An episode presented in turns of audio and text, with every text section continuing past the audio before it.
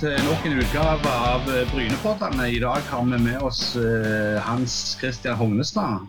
Doktor Hans Christian Hognestad. Ikke medisiner, men uh, doktor i antropologi.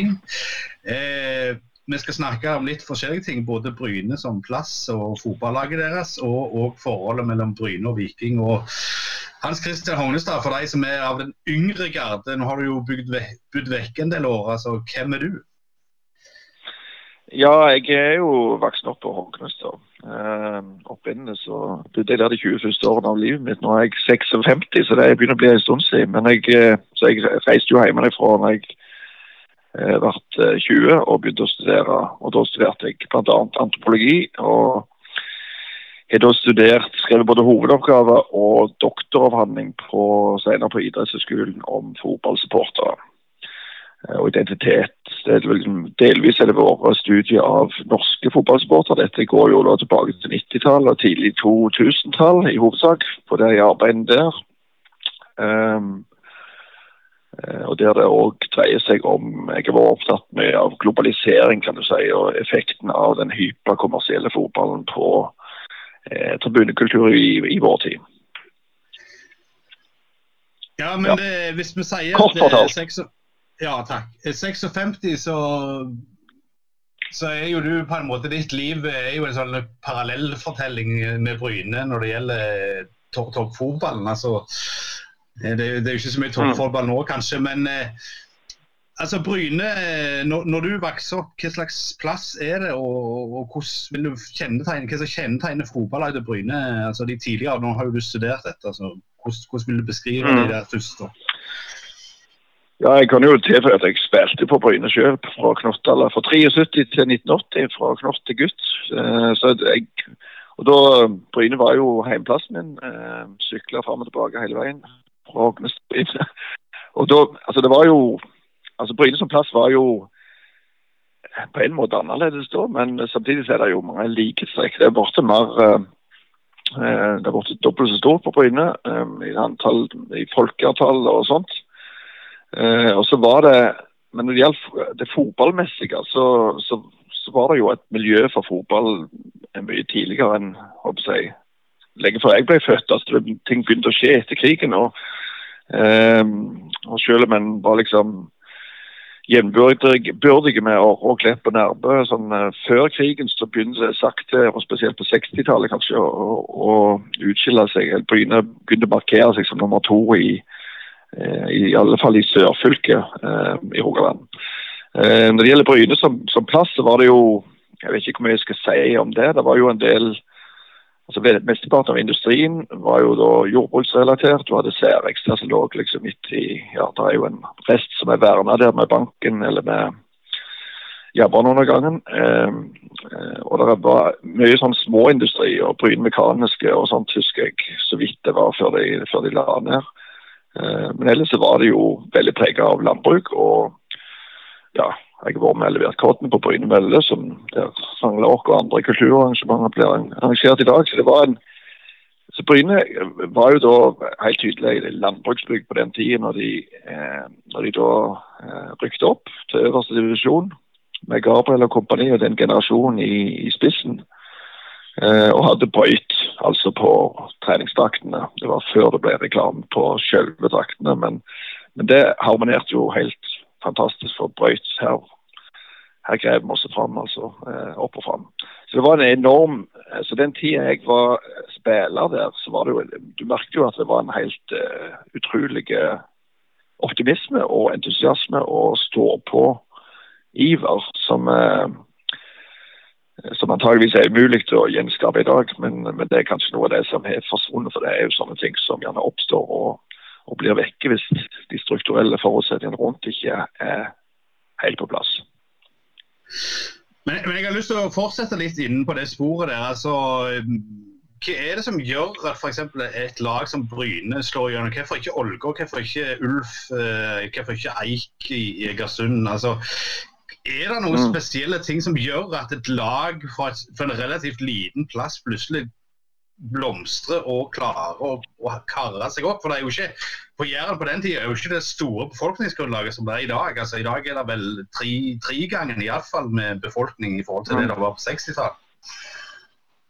Ja, eh, altså for stor forskjell i dag er jo at det er mer konkurranse. og Bryne har liksom gått et nivå ned og sånt. og, og forbigått av Sandnes Ulf, iallfall foreløpig. Og de har fått nytt stadion og sånt. Men, men grunnen til at eh, lag fra små plasser kan plutselig slå for seg, det er jo veldig sammensatt. og Det, det er jo selvfølgelig med folk i sportslig apparat og ledelse og sånt å gjøre. Men, eh, men, det er jo en del av en større, må jo være en del av en større grasrorbevegelse der interessen er på, er på plass. og der eh, ja, jeg vet ikke. altså Der, ja, der, der der du plutselig får en uh, popularitet rundt den uh, lokale fotballen som, uh, som, dreier seg om mer enn spillerutvikling, men at det blir en kultur som vokser fram, og som, og som gjør det kult å fylle akkurat det laget. sånn at Bryne hadde nok ikke blitt Bryne uten at du hadde hatt storbror Viking i Stavanger, for å si det sånn. For da fikk du en sånn tematisering rundt by-land, litt karikert, men likevel så førte det til en slags identitetsdannelse for folk på Jæren. Og eh, det var jo folk i byen som hilste med Bryne for all del, men da var de som regel eh, til, tilhørte de som regel enten Madla eller SIF eller noe sånt eh, etter hvert. Eh, og tilsvarende så så hadde du jo på Nærbø der det fortsatt er jo veldig mange eller håpbuer som fortsatt er hele med Viking. Og det, og det går jo kanskje fra en slags opprinnelse, opprinnelig misunnelse, eller hva man skal si. altså lokal, en superlokal rivalisering. men innad på, innad på Jæren. Så jeg tror eh, svaret på det er jo sammensett, selvfølgelig. Men, eh, men, det er mange ting som må, som må dra i, i, lag på en gang for at vi skal funke både på og utenfor banen og i lokalsamfunnet rundt. Men, men forholdet Bryne-Viking, altså eh, Viking, Hvis treffer du gamle Stavanger-folk som har holdt med SIF, eh, så er jo hater jo de Viking og sånn. altså Det er ikke så mange igjen av det i dag. men altså hvordan er det, det der, Viking er vel den eldste klubben i Rogaland som ennå eksisterer. I hvert fall. Altså, hvordan er det det der skiftet skjer? Altså, Når er det Viking sine rivaler blir Bryne og ikke SIF lenger, eller, eller de andre klubbene som de har kava med opp gjennom året? Altså, Vidar er jo også et eksempel på en gammel klubb i Stavanger. Men, men hvordan oppstår en sånn rivalisering? For, for, for Bryne-Viking-rivaliseringen oppsto mer og mindre fra ingenting. altså Det oppsto en gang på 60-tallet. Liksom. Ja, altså det, det, det, begynte kanskje i noen få hos noen få sjeler på 60-tallet. Altså spesielt tror jeg det markerte et skille når du fikk altså På Bryne sto Vikingcupen første gangen i 62, var det vel. Det var den første offisielle kampen på vant. og det og det er jo sånn som jeg, altså I forbindelse med doktorgraden min så intervjua jo jeg både Kjell Olav Stangeland og Reidar Betu, som jo skrev den vanvittige mursteinen av en historiebok om Bryne. Eh, helt eh, og det, det, sier jo noe om eh, altså Bare det volumet på den boka sier jo noe om at her er det ting i historien som, som Bryne representerer, og som, som er nokså unikt for en klubb fra en så liten plass. Såpass liten plass. Men det som, det som skjedde etter hvert for folk flest på den tida, altså når jeg begynte på Bryne, så var det vanlig at meg og far og vennene mine og sånt, vi hilste med Bryne, men vi hilste også med Viking. Så, men så var jeg jo eh, kompis med eh, bror til Gabriel, da. Ja, jeg er for så kompis med ham, men ikke så mye, med Gisle å gjøre lenger. Men, men, da skulle vi inn og se Viking Birmingham, og så Det var i 74, tror jeg. Uh, og så holdt han med Birmingham, for det er han alltid helt mot Viking, liksom. Og Da ble det en samtale, og far var veldig sånn Hæ, holder du med liksom, det engelske laget, liksom? Ja, nei, vi hadde vært Viking, liksom. Han hadde jo selvfølgelig vært uh, av bror sin. da.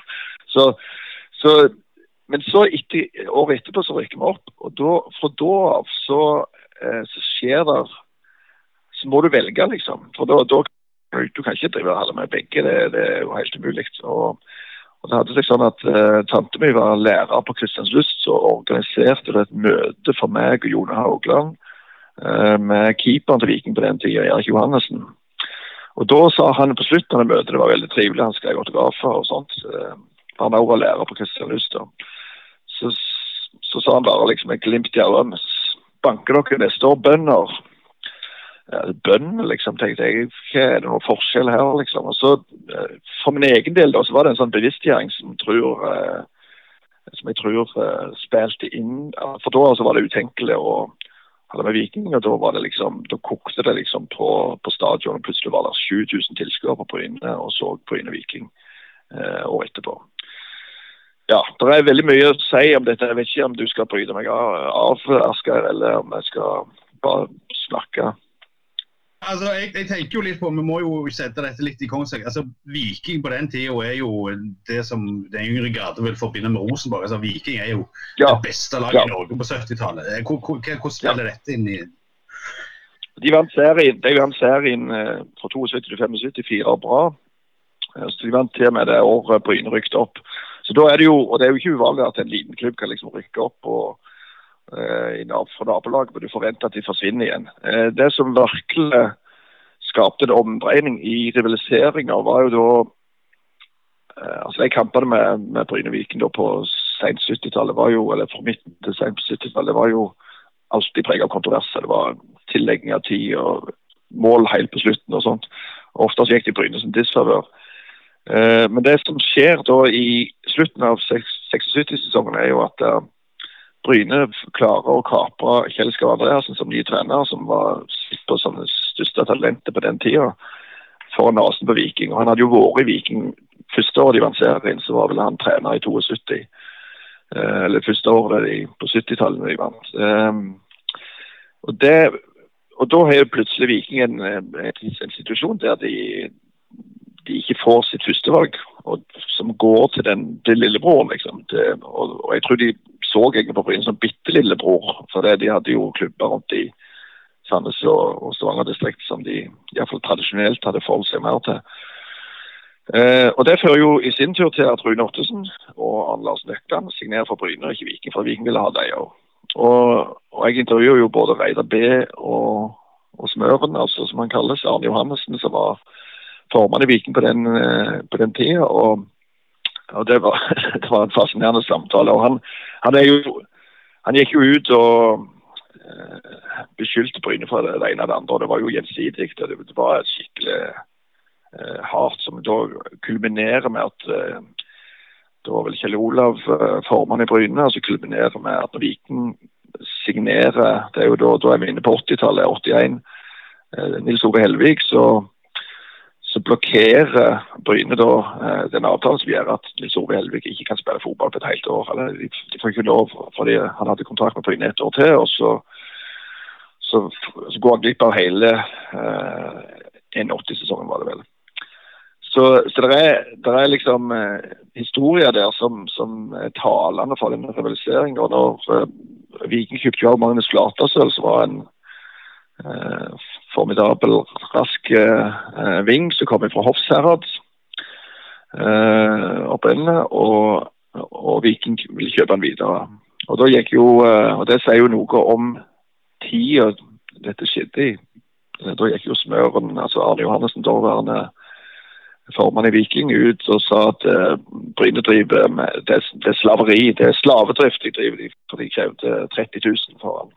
Det mente han var liksom helt vanvittig pris. Det sier jo òg noe om eh, den amatørfotballen som det var jo Da var det ren amatørisme. Eh, Vikings beste spiller, Isak Arne Refvik, jobbet på SO-en i, eh, i Hillevåg. ikke sant? Og, eh, og vært senere en kort karriere som proff i Hips i, i Edinburgh. Men, men, det sier noe om den fotballen som den var da, og er jo ugjenkjennelig hvis du ser det i, i forhold til sånn som det er blitt eh, i dag. Eh, på, på, mange måter. Eh, eh altså Overganger skjedde jo før det. altså Johannes Wold er jo eh, den mestgående i Bryne sin historie. Gikk til Viking. og Det var jo ikke så mye bråk rundt det. Det er flere nei, nei. Blant, blant annet en av Oppstad-brødrene som gikk til Viking. altså Er, er det Flatastøl som er på en måte det bryter en med den tradisjonen at folk kunne gå fra klubb til klubb uten at det ble bråk. Altså, Reidar Kvammen har jo trent Bryne, som er jo den største vikinglegenden i, i, historien. Liksom. Mm. Ja, det, jeg, tror, jeg, tror, jeg tror eh, det der veldig, det veldig intense hatet, det, det har vært på altså, i tidligere til, altså Før 75 i alle fall, så, så ble det drevet fram av noen få individ. Men, men, at det var ikke en sånn gjengs folkelig oppfatning på Bryne, det, det tror jeg ikke på. Uh, og det er lite så tydelig på det, men folk inne i apparatet hadde nok noen sånne holdninger fordi de hadde noen konfrontasjoner med Viking som, som på en måte skapte dette, eh, dette hat. Nei, altså Johannes Wold han, han er jo aldri egentlig lagt han for hat på Bryne. Det, han forlot Bryne akkurat når jeg, rett før jeg begynte å følge med. Det var vel 71 eller noe sånt, så han var jo med på hele denne suksessrike eh, år med Viking da etterpå. Eh, så jeg tror det er først med Magnus Flatestøl. for da og Det handler jo om at eh, da hadde Bryne fått Skauen, og, og Økland Ottesen hadde gått der. og så og, så, og Da prøvde de å definere Bryne som en klubb som var om ikke jevnbyrdige, så var det iallfall ambisjonen var å være minst jevnbyrdig med Viking. sånn at eh, og Det er jo sånn som du ser med rivalisering over hele verden. altså Spillere som går fra, eh, bitre, fra den ene bitre rivalen til, til, til, den andre i, i en by f.eks. Eh, blir automatisk ofte Judas. ikke sant? Altså det, og Derfor så skjer det nokså sjelden. Selv i våre dager så, så, skjer det jo ikke så, så veldig ofte. Eh, annet enn av og til under helt spesielle omstendigheter. Men, eh, men, det er jo et sånt mønster som du, som du, som du ennå kan, eh, kan, kjenne igjen. Og, og, så er det jo et eller annet med at respons for Viking er da at de, de, de, det sitter jo veldig langt inne liksom, å anerkjenne Bryne som en jevnbyrdig rival. De, de så vel på dem som noen oppkomlinger fra fra bondelandet, liksom. Så, så, det er jo eh, eh, så det er jo mye der òg, tror jeg det ligger. Altså, det, det, altså Skal du ha en genuin rivalisering, så må det være altså Den andre parten må anerkjenne de må anerkjenne hverandre som, som bitre fiender. Og, og der tror jeg eh, hatet har liksom alltid vært litt skjevt fordelt. Det at eh, Det er lillebror som hater mer enn stor, storbror har en litt sånn faderlig, patroniserende holdning. ikke sant? Altså Jeg kjenner mange fra Stavanger som som aldri har hata Bryne, liksom. Eh, men de er vikingpatrioter og ønsker Bryne alt godt. og det, det, er vanskeligere å finne i nyere tid på Bryne, altså den, den holdningen der. og Jeg har jo ikke overhodet sjøl heller. så det så jeg, jeg har jo vært med på vikingkamper i nyere tid. og Jeg merker jo at jeg håper motstanderen vinner, eh, som regel. så det, eller jeg, jeg kan liksom mye vanskelig tenke meg eh, en situasjon der jeg virkelig sitter og Eh, det bruser i blodet liksom med Viking. Men som sagt så har jeg da holdt med Viking sjøl fram til jeg var ti år. Så, eller fra jeg var seks til jeg var ti.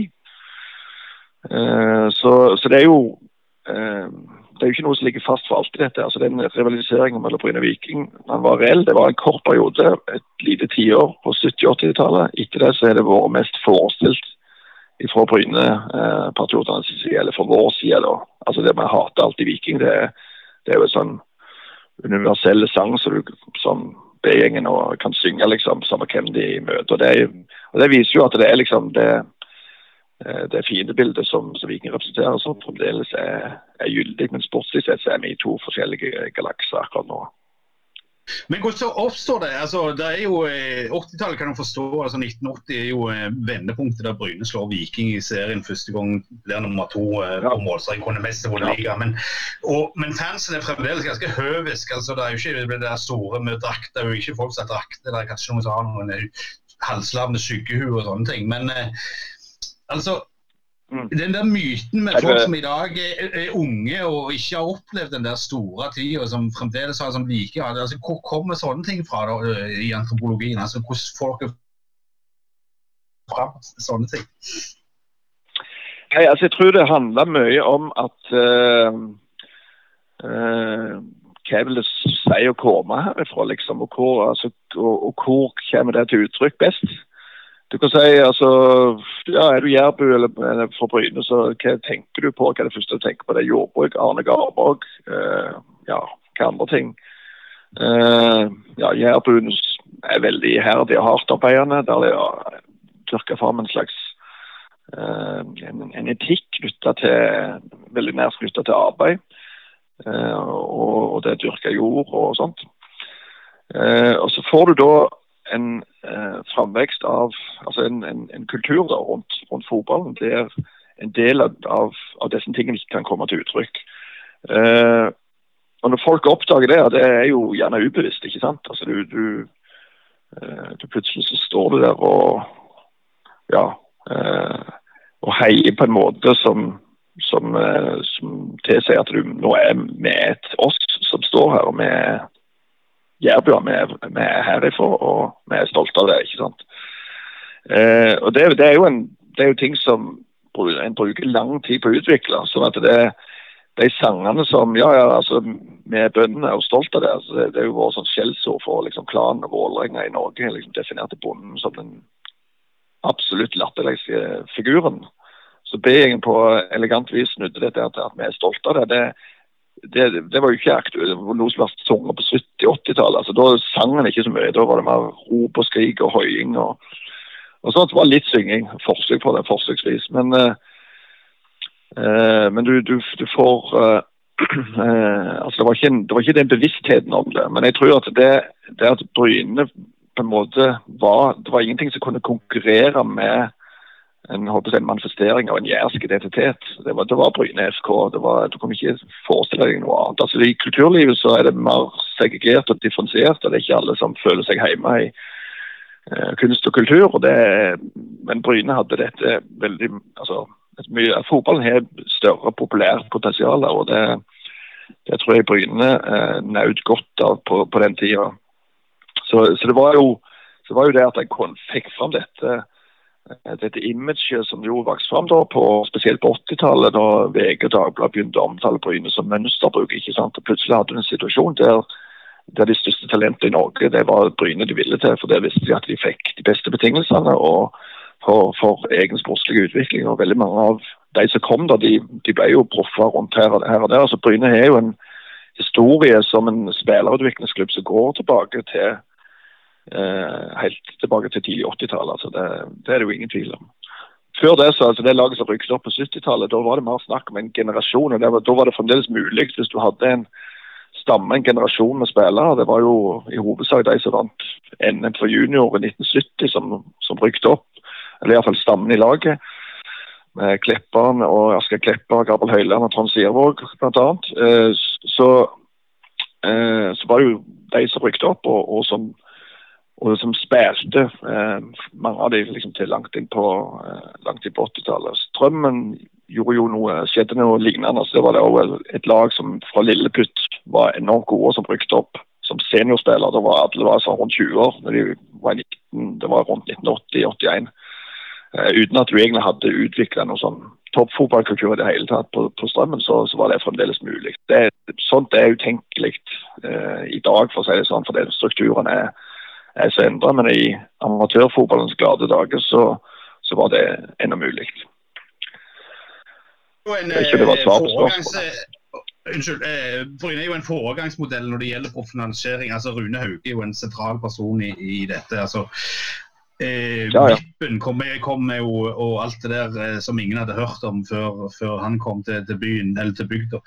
Eh, hvordan, er det der når du ser på kommersialiseringen av fotballen? altså det kommersielle biten, altså, Der er jo Bryne på en måte en foregang, men allikevel så, så, så detter jo Bryne litt av når Norge blir fotballproff. altså Fotballen i Norge blir profesjonalisert, så, så mister jo Bryne litt av den stillingen de hadde si, i året rett før i sammen med Lillestrøm.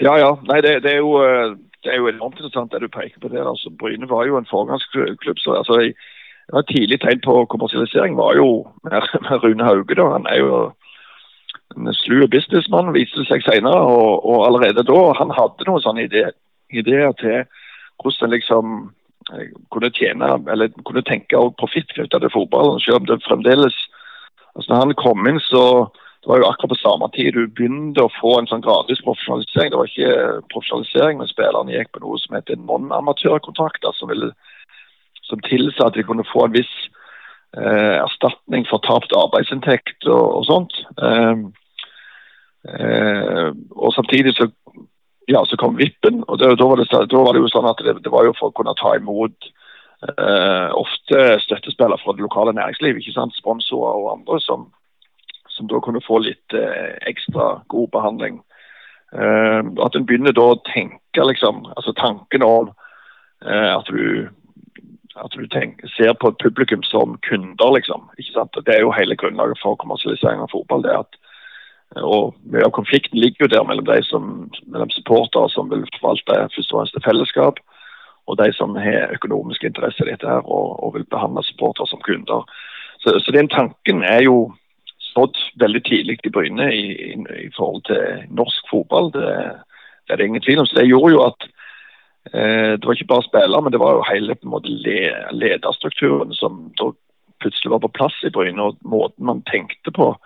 Som, som gjorde at uh, klubben ble liksom framstilt som en foregangsklubb og et mønsterbruk. Og så hadde du avtaler med videregående og sånt om talenter som kunne komme og ta videregående utdanning, eh, kombinert med eh, eh, mye fotballspilling. ikke sant? Altså De hadde gikk på idrettslinja og, og, kunne trene fotball liksom eh, i skoletida eh, delvis. Så at du fikk en eh, Men det var jo som sagt ennå ikke profesjonelt. Profesjonalisering og, kommer jo da etter brynet Bryne på katastrofalt vis rykker ned da, i 88. Det er jo interessant det som skjer. da, for det, da, Toppen til Bryne ble jo nådd med cupgull over Brann i 1987. Da jeg for øvrig var student i Bergen og tok toget omtrent som alene Bryne-supporter, tror jeg, fra Bergen fram og tilbake. Prøvde ikke å provosere for mye med bjødler på heimveien, eller på tilbakeveien, men uh, men det er en annen historie. Eh, det som skjer sesongen etterpå, eh, er jo da at eh, hovedstadsavisene de tipper jo Bryne som seriemester i 1988. Og så er det ulike, av ulike årsaker så ender vi plutselig på kvalik og taper da kvaliken for start. Av alle ting på Stavanger stadion. Jeg husker ikke hvorfor. Jeg lurer på om banen på Bryne var krevende opp eller noe sånt. Men, det, men vi spilte ikke den kampen på Bryne. Uh, og så rykker vi ned i plassen. Uh, og er veldig, men er liksom et topplag i andredivisjon, som det da fremdeles heter, uh, de neste sesongene. Og er veldig nære på å rykke opp både i 89 og i 91. Uh, eh, og i 93 var det vel. Og Tippeligaen begynner jo i 91, og da får du profesjonalisering av fotballen for fullt. Eh, men i Bryne, det som skjer fra 93, det er liksom at du får noen år der en vandrer, liksom. Det er en slags ørkenvandring. Og, og inntektene fra, fra Tippeligaen og, og TV-avtaler altså begynner å komme da. og Da får du en sånn tiltakende kommersialisering, og, og fotball generelt begynner å bli veldig populært. altså Det skjer jo en dobling av tilskuertallet. Gjennomsnittstilskuertallet i, i, eh, i Tippeligaen da mellom 1991 og eh, Hvis du går ti år fram i tid, så går det fra 5000 i snitt til 10 000 i snitt. Så det var en ekstrem økning av populariteten til fotballen generelt på den tida. Enorm økning i tilgjengelig til internasjonal fotball var det òg. Eh, Premier League og Champions League som ble starta i 92. Eh, men det virker som at det, det var et umettelig marked. ikke sant? Sånn at det, er mer fotball på fjernsyn, det er mer kommer på stadion. Bryne var ikke en del av det der på, på, når, når, det tok av for alvor. Sånn I 94 så husker jeg jeg arrangerte en kamp for et uh, skotsk publag fra uh, Edinburgh-traktene. som er med gamle informanter, faktisk. Som da tok med hele laget sitt. og Da var vi på stadion, og det var triste greier. Da var det, jeg kunne ikke huske, for da var det sånn at her er det bare, de spilte mot Åsane, her er det bare 450 tilskuere. altså. Så jeg kunne ikke Det var ikke noe på sommeren, men jeg, men jeg men da tok jeg meg sjøl i å tenke jeg kan ikke huske en eneste kamp det har vært så lite folk på. Da jeg vokste opp, så var det jo altså jeg spilte på 70-tallet, så var det jo vanlig, men da hadde jeg vel et snitt på 4000-5000. Men, så lå også dette her, da tenkte jeg ja, det var det 50-tallet eller noe sånt. Det, var, det viste seg at det stemte jo ikke helt. og Det var vanlig med 400-500 på slutten av 60-tallet òg. Men, men da eh, sier det noe om at Bryne står på perrongen mens det der toget går. ikke sant? Og så blir forskjellene f.eks. til Rosenborg og Bryne blir liksom bare milevis. Eh, helt til vi da likevel klarer å karre oss opp. Eh, vi var jo ikke så langt unna noen sesonger. Det var altså Vi hadde færre lag i, i Da var det blitt førstedivisjon. Eh, på 90-tallet så, så var det jo sånn at eh, hvis jeg ikke husker feil, så var det tolv lag, altså fire som rykte ned. så Det førte jo til at det, Bryne i par-tre sesonger var jo med både i opprykk og nedrykksstriden. liksom. Uh, men jeg klarte ikke å komme opp før da i det berømte målet til Thomas Dahl på overtid på Bryne stadion i oktober 1999. Og hadde da fire år relativt gode år, vil jeg si. Ja, spesielt 2002-sesongen. Men en var jo nær å rykke ned. Men da, da rykte en opp eh, uten at en hadde det denne voldsomme drivet som hadde kjennetegnet forrige opprykket på 70-tallet. Eh, det var jo Fra dag én var det jo snakk om å overleve. Eh, men i 2002 så hadde jo Bryne en sånn kortvarig eh, smak av toppen av norsk fotball. Og Kim Rune Hellesund husker jeg hadde en fantastisk vårsesong.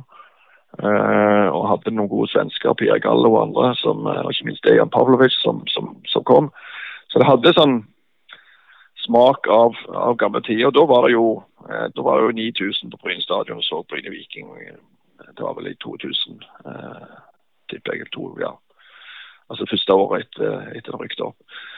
Så, så, da var det jo på en måte Nå er gamle dager tilbake igjen, liksom. Eh, men det, det viser seg å være relativt eh, kortvarig. Etter det så har og Spesielt etter nedrykket da, i 2003, der en nærmest gikk konkurs. og Vi mista jo masse spillere midt i sesongen. Eh, Eh, gikk gjennom sesongen med kun tap i, i, eh, på bortebane eh, det året.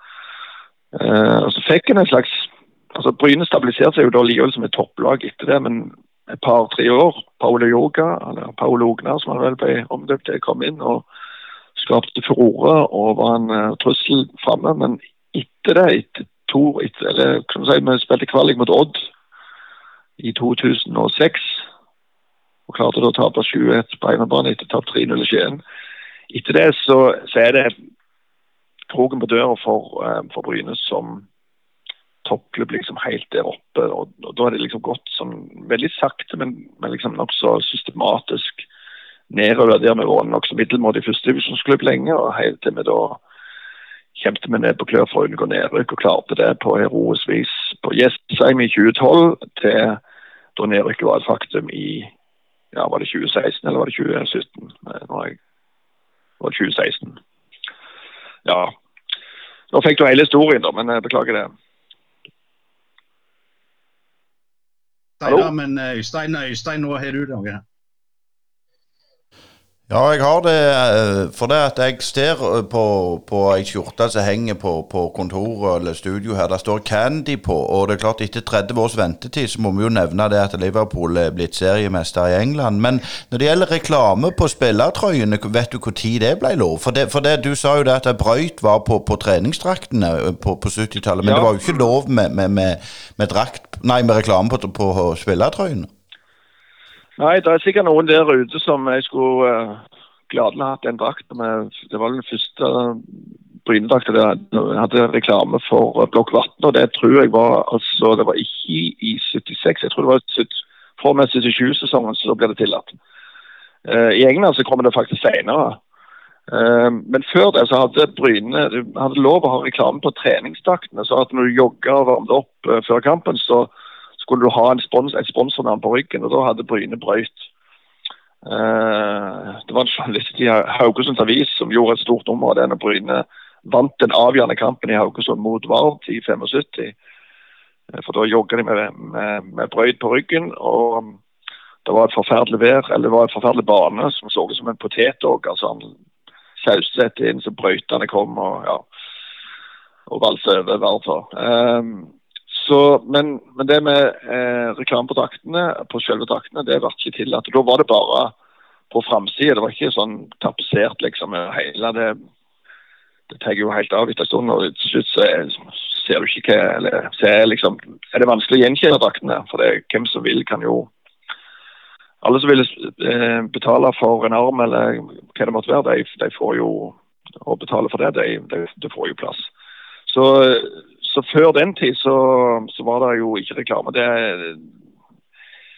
eh, ja, altså de, det, det, var jo en tid som var preget av mye sterkere moralske holdninger til reklame generelt. Altså Det var noe man skulle være skeptiske til. og og Det, det, det handla jo om kommersialisering. ikke sant? Og, og, og Når du har en sånn veldig sånn amatørånd, eller amatørisme nærmest, som preger idretten, så, så blir sånn altså Denne holdninga mot reklame og mot kommersialisering står, står sterkt.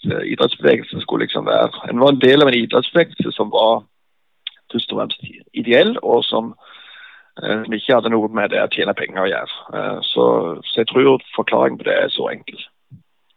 Litt tilbake til, til, til denne rivaliseringa med Viking. Hvordan, nå, nå, føler jo vi, vi på en måte med B-gjengen at de skal prøve å nøre opp i det hatet. Men, men, hvordan tror du det er i, i dag? Bryr de seg? Er det den rivaliseringa? Nei, jeg tror ikke det. altså. Det, for det rivalisering, eller Intensiteten i en rivalisering er jo avhengig av at den er sportslig jambyrdig, og det, det, er ikke tilfellet i dag. Eh, bortsett fra at du har den der pussigheten at vi alltid slår Viking i cup. Eh, vi vil si det fire ganger etter eh, vi tapte for det i cupfinalen i 2001. Men, men eh, jeg tror, altså, du spør en gjengse vikingsupporter, så er det liksom hvem hater du? Så er det Brann eller Rosenborg eller Vålerenga. Liksom. Det, er jo, eh, det er jo de lagene de forholder seg til mest. og så eh, Men så tror jeg du kan møte noen i altså de, Når jeg snakker om eh, folk fra Stavanger som vil Bryne godt, liksom, så er, da er det jo folk på min alder. Så hva folk, Jeg kjenner ikke så mange 20-åringer fra, fra, Stavanger, og, og, kjenner ikke noen i Hordene f.eks. Så så at det kan være en rivalisering f.eks. mellom dere i B-gjengene og, og, og, og Hordene, det, det har jeg jo hatt inntrykk av. Men, men uh, hvor sterkt er, det, det vet du mer om sjøl antageligvis enn det jeg gjør. Iallfall nå, i forhold til en oppdatert uh, virkelighet. Er det, er det, sånn at de disser dere når, de, det går dårlig med Bryne, eller får dere høre det, eller? Jeg må bare skyte inn jeg, jeg, Ja, jeg, jeg, setter jo pris på at du tror jeg er så ung, men jeg er ikke så ung. Så jeg, må jo ærlig innrømme at jeg ikke er med i B-gjengen så mye sjøl, så, så. jeg er litt Nei, altså, usikker sjøl.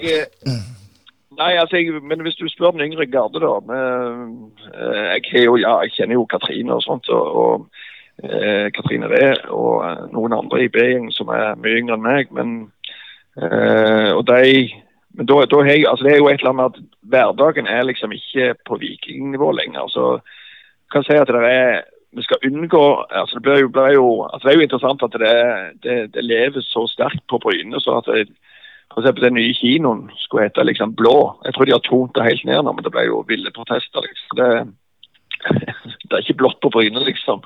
Og det hadde jo ikke noe direkte med fotball å gjøre engang. Så, så, så jeg, tror, jeg, tror, det, men jeg tror det er mest sånn at det er forestillingene med anti-viking-holdningen er sterk på Bryne, men er, du, du, finner ikke Det er vanskeligere nok å finne, tipper jeg, da, en veldig sånn brei negativ holdning til, til Bryne blant uh, publikum på, Jåttåpotter. Men uh, Hordene er jo ganske mange medlemmer, men de er jo mye større. De er jo mange mer enn en B-gjengen.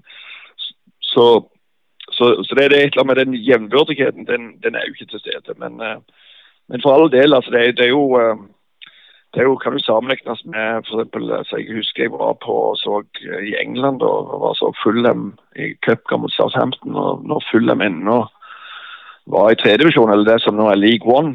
Um, og er 90 av sangene deres var hatsanger mot Chelsea. altså. Uh, så, så, da står du der og lurer på hva, men hva bryr Chelsea seg om dere. liksom. Så det, så det jeg tror det, det er jo at eh, det er den som er minst, som liksom har dette hatbildet mest intenst til, til, til stede. Og, og, det virker veldig drivende for, for kjærligheten til en egen klubb, da. For vi er i alle fall ikke, ikke som deg, liksom. Så, um, så, så, da bygger en på en måte myte og forestillinger om uh, hvem vi er rundt, rundt denne hovedfienden, uten at du nødvendigvis får gehør og eh, rop, tilrop tilbake.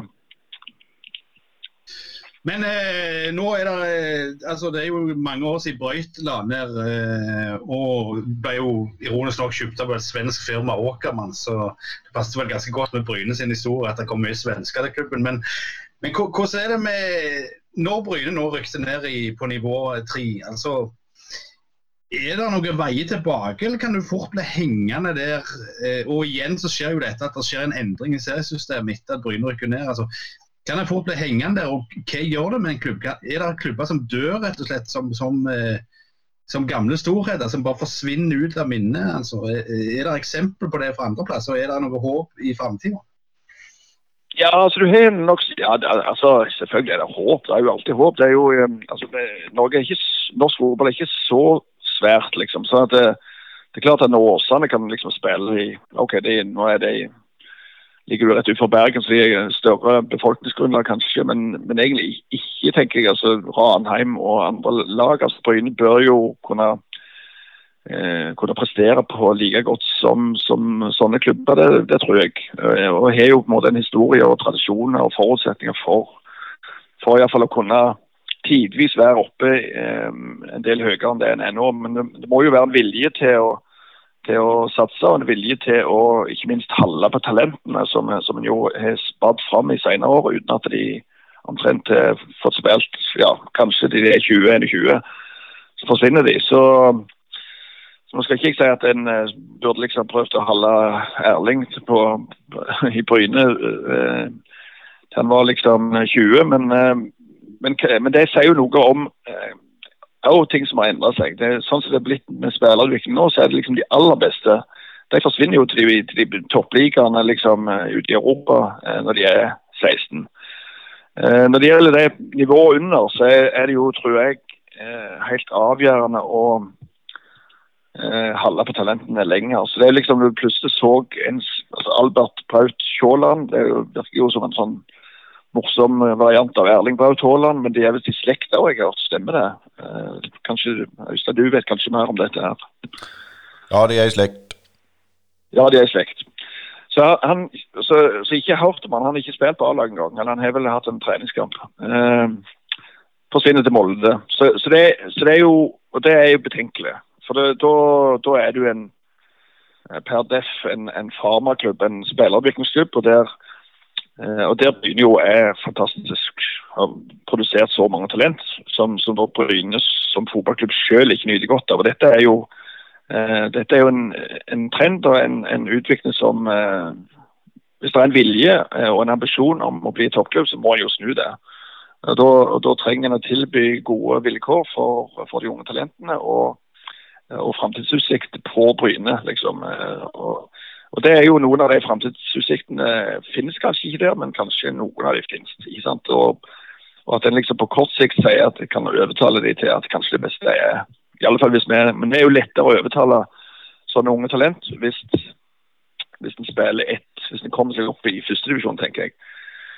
Og er en heldig, så kan en liksom få, eh, få en generasjon. altså Der, der spillerflukten liksom eh, stopper opp, og der de beste eh, blir igjen, eller blir litt lenger, før de eventuelt tar steget eh, videre. Så det er, det er, jo en, Jeg pleier å trekke fram en eh, du, du har en åpenbar parallell med Sogndal. Jeg var på et seminar der for 10-15 år siden, bl.a. med Svein Bakke og folk Georg eh, ja, det var iallfall vestlandsforskning. altså Det var liksom blanding av eh, jeg, for, eh, under høgskolemiljøet der, altså Høgskolen i Sogn og Fjordane som heter da, og fotballen. og Det ligger jo liksom samlokalisert. De, og de sa jo noe veldig interessant om hvordan på en måte de har ja, lagt veldig vekt på eh, eh ikke bare samlokalisering av bane og studiested og sånt, at du får at spillerne får studiemuligheter og utviklingsmuligheter, karrieremuligheter senere eh, etter fotballkarrieren er slutt. Altså En legger til rette for, en, eh, for, for at forholdene skal ja, være attraktive for unge talent.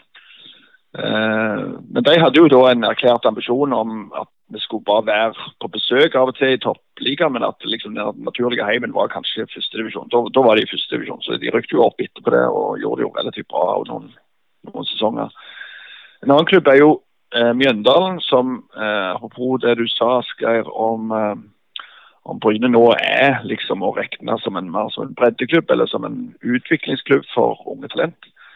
For der det er jo et vanvittig bra apparat håper jeg, i ungdomsavdelinga for, for Bryne. Så det er jo mange dyktige folk som er inne på trenersida.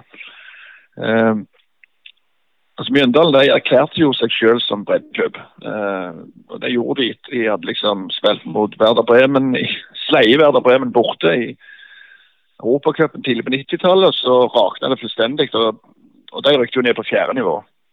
Altså en divisjon under eh, der Bryne er nå, og var der i mange år. altså. Og Da uttalte klubben at det, nå er vi først og fremst en breddeklubb. og vi vi satser på å være en god klubb for uh, lokalsamfunnet på, i Mjøndalen-traktene og Nedre Eiker, og sikkert Øvre Eiker òg, for, for, den saks skyld. Men, men, uh, men, jeg hadde liksom ikke noen ambisjoner om å bli en toppklubb.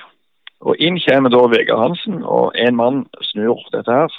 Uh, ikke alene, selvfølgelig, men han er jo en helt spesiell person. Han, han lever og, og altså For dag én levde Ånde han fra Mjøndalen fra 24 timer i døgnet. og eh, seg til meg, eller Han bodde til meg på stadion, hadde seng der. liksom, altså eh, Ei ildsjel liksom, som, eh, som, er så viktig da, i, i, å snu denne trenden. Altså, det, det, det, sier jo noe kanskje om at selv i våre dager, når det er, håper jeg, kan snakke så, eh, snakke mye vi vil om kommersialiseringen og at uh, pengetoget liksom er godt for Bryne, f.eks. For i forhold til å lokke de beste til, til seg. Så, så, skal du ikke undervurdere eh, entusiastiske sjeler og, og, den betydningen de kan ha.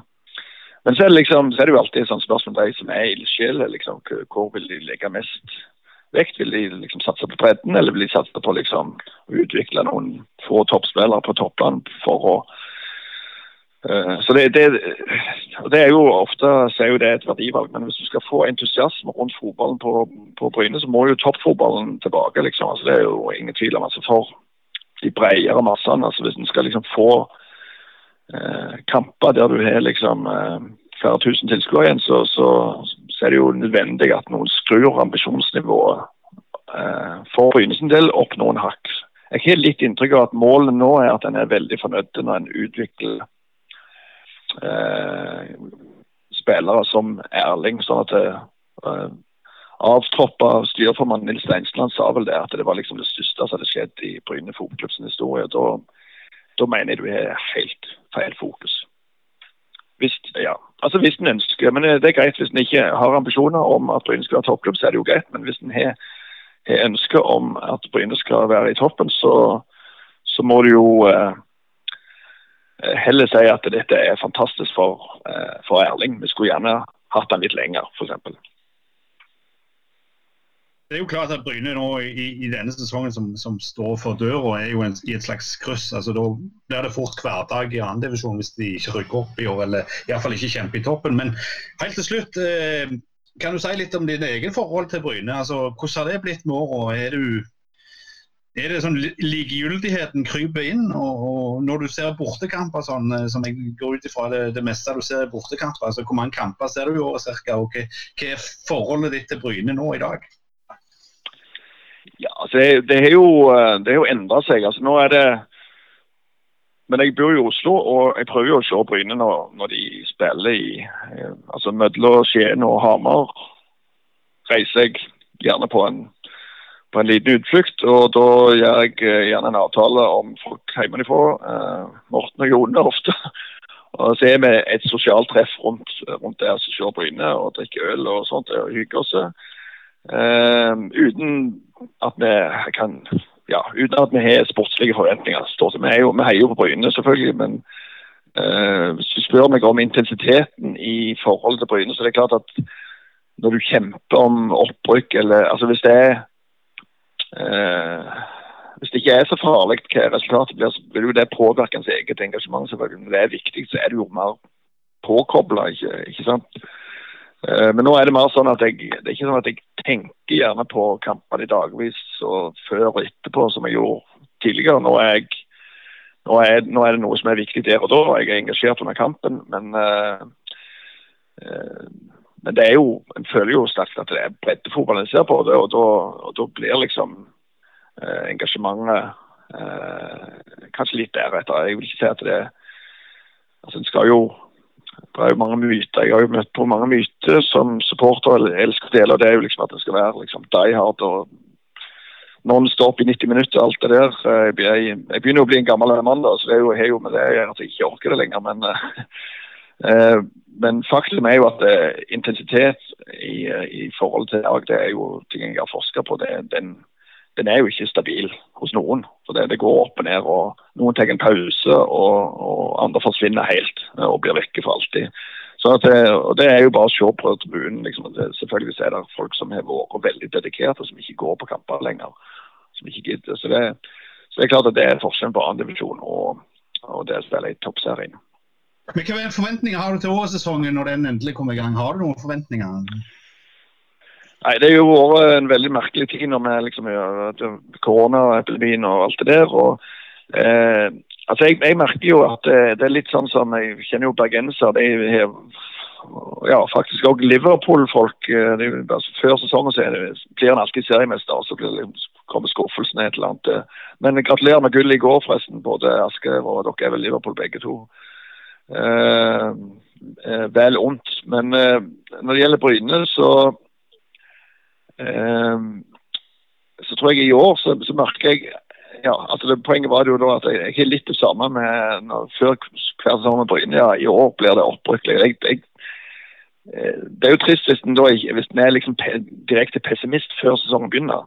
Uh, men i, i, år så virker det som Bryne har fått noen forsterkninger. Det er jo, En er jo avhengig av hvordan de slår til. og hvordan, uh, Det blir jo mer eller mindre et nytt lag. så, så Eh, hvordan samspillet vil fungere. og Jeg er liksom villig til å, å gi eh, Halvorsen da en sjanse iallfall et år til på å liksom få satt, satt laget. Da. Men en merker jo at en velger jo ikke fra hylla i særlig grad over.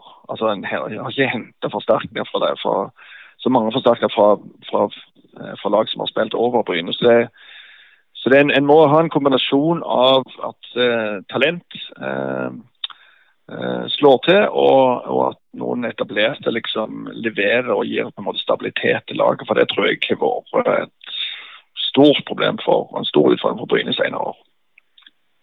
Hans Christian Hognestad, nå eh, går vi videre i sendinga. Ja, det var Hans Christian Hognestad. Eh, rett før ting begynner å rulle igjen. Øystein, nå fikk vi litt de lange linjene. Hva beit du deg merke i?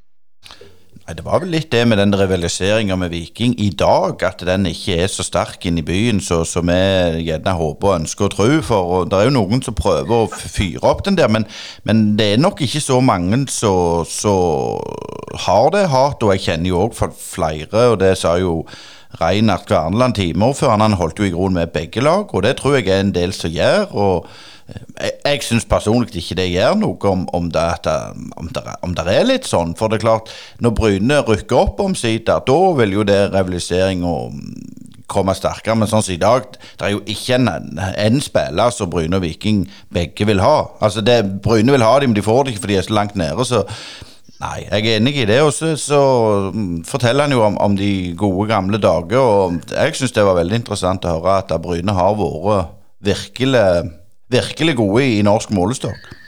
Ja, altså, men så virker det så litt som Bryne har en tendens, altså 88-sesongen før profilisering og før omlegging altså, Bryne pleier som regel å rykke ned på de verste tidene, virker det som, uten at han toucher så mye på det. da. Ja, det er jo helt sant. og det, det, Når de rykte ned til, til Post Nordligaen, så er det vel den eneste gangen det laget med så mange poeng har rykt ned, tror jeg, historisk sett. Så det, noe, noe flaks på nedrykk, det kan vel ikke si at Bryne har hatt gjennom de siste 50 åra.